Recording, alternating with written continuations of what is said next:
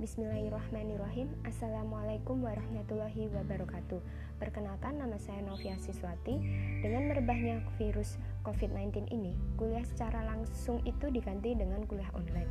Di sini saya ada tugas dari dosen saya Untuk membuat suatu produk podcast Yang bertemakan kuliah online Yang disukai oleh kebanyakan mahasiswa Nah, kuliah online yang diterapkan oleh dosen ke mahasiswa itu berupa pemberian tugas, materi, melalui psikologi maupun WhatsApp.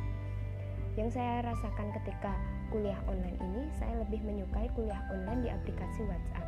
Karena aplikasi ini semua orang itu punya dan e, dapat mengaksesnya pun juga cukup mudah serta biaya biaya untuk membeli data selulernya itu hemat, serta tidak membutuhkan sinyal yang banyak. Sebaliknya, jika menggunakan psikologi, tugas yang harus dikerjakan itu membutuhkan biaya dan juga sinyal yang banyak. Pengalaman dari teman-teman yang di rumahnya sinyalnya itu susah.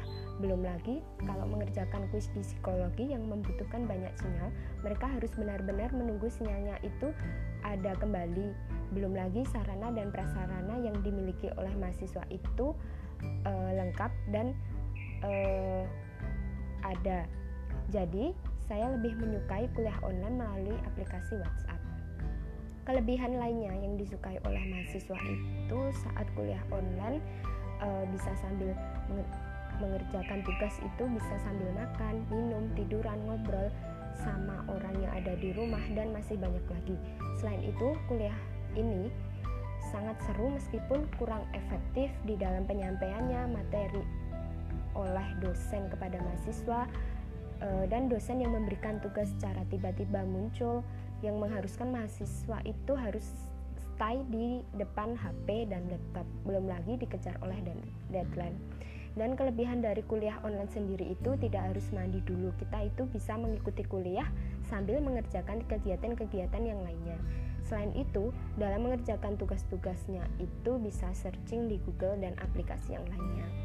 Dengan diadakan kuliah online ini, dan karena merebahnya virus COVID-19 ini, kuliah yang dijalankan dengan pemberian tugas di rumah atau di kos ini juga bisa membuat mahasiswa hemat.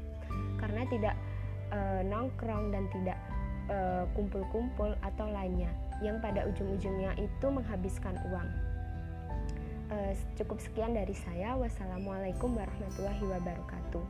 Semoga kita dan keluarga semuanya dijauhkan dari amar bahaya uh, yang salah satunya itu termasuk uh, virus COVID-19 ini. Dan selalu diberikan kesehatan oleh Allah Subhanahu